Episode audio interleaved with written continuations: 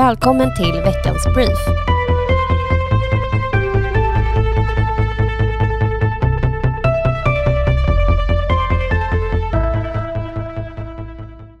I veckan var Moderaternas ekonomisk-politiska talesperson Elisabeth Svantesson med i Stockholmspodden och sa följande om Moderaternas förslag till budget som kom förra veckan. Mm, det är en budget som tar sikte på Sveriges stora samhällsproblem.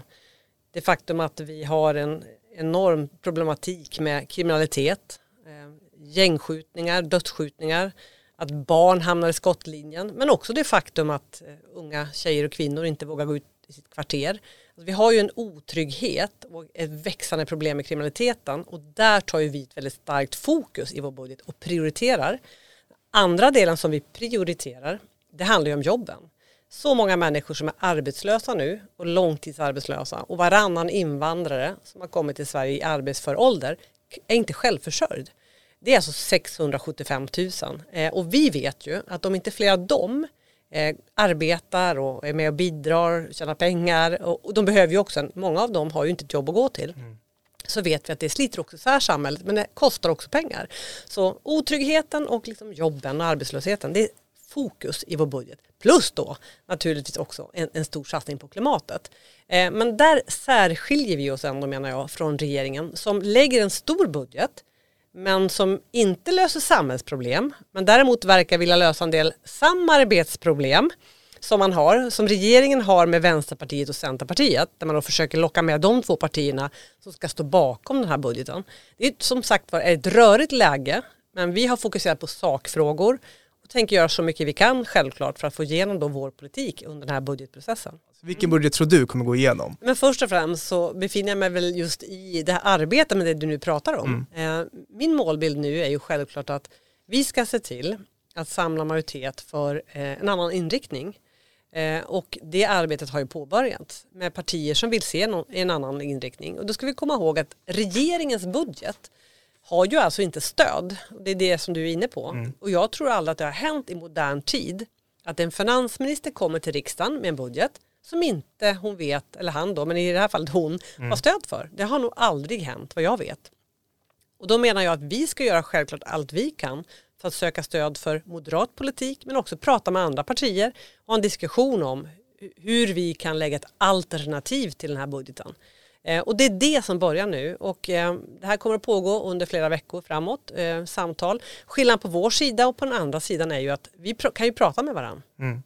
Vi har inga samtalsförbud. Så Kristdemokraterna och Moderaterna kommer nu ta ett initiativ, både prata med liberaler och sverigedemokrater självklart, för att få till en, ett alternativ. Det är ju väldigt rörigt på andra sidan när Centerpartiet vägrar att, att regeringen ska inte få prata eller förhandla med Vänsterpartiet. Det där visar sig att det, det är ju, ja, det, det, där tror jag är ett gammalt sätt att mm. hantera parlamentarismen och demokratin. Eh, och eh, därför tror jag att vi har goda chanser. Vi får se vad Centerpartiet gör. I slutändan handlar det om, kommer de att stötta Socialdemokraternas budget en gång till? Eller kommer de inte göra det? Om de röstar på sin egen budget, då kan ju vårt alternativ gå igenom.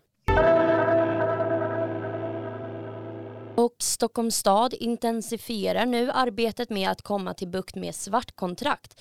Bland annat ska man kunna kolla på vattenförbrukningen i en fastighet för att se om den är onormalt hög. Vi kämpar med att hitta nya innovativa metoder för att komma åt fusket och de som ägnar sig åt den här kriminella aktiviteten som det ändå är att ha svartkontrakt. Man ska inte kunna gå förbi Stockholms bostadskö. Säger Dennis Vedin som är fastighetsborgarråd i Stockholms stad till veckans brief.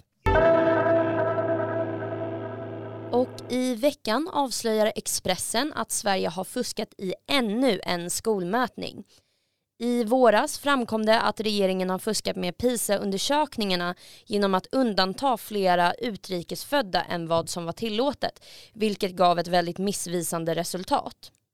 Utbildningsministern Anna Ekström försvarade sig då med att säga att Sverige har presterat bra i andra internationella skolmätningar.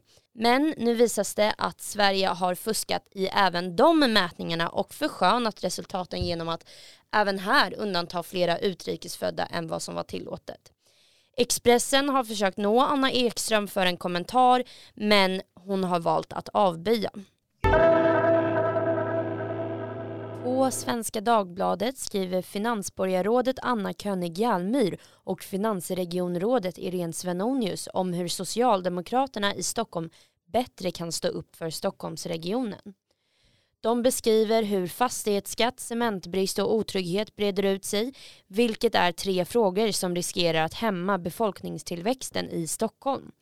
De menar att det är tre frågor som Socialdemokraterna i Stockholms stad och Region Stockholm kan åtgärda genom att kontakta sina partikollegor i regeringen innan de ens kan delta i en seriös debatt om Stockholms konkurrenskraft, bostadsbyggande och framtida flygkapacitet. I veckan får vi också säga grattis till Moderaterna som på söndag firar att det var 117 år sedan Moderaterna, eller Allmänna valmansförbundet som det hette då, bildades. Veckans Brief är tillbaka varje fredag klockan 07.00 för att ge dig veckans toppnyheter.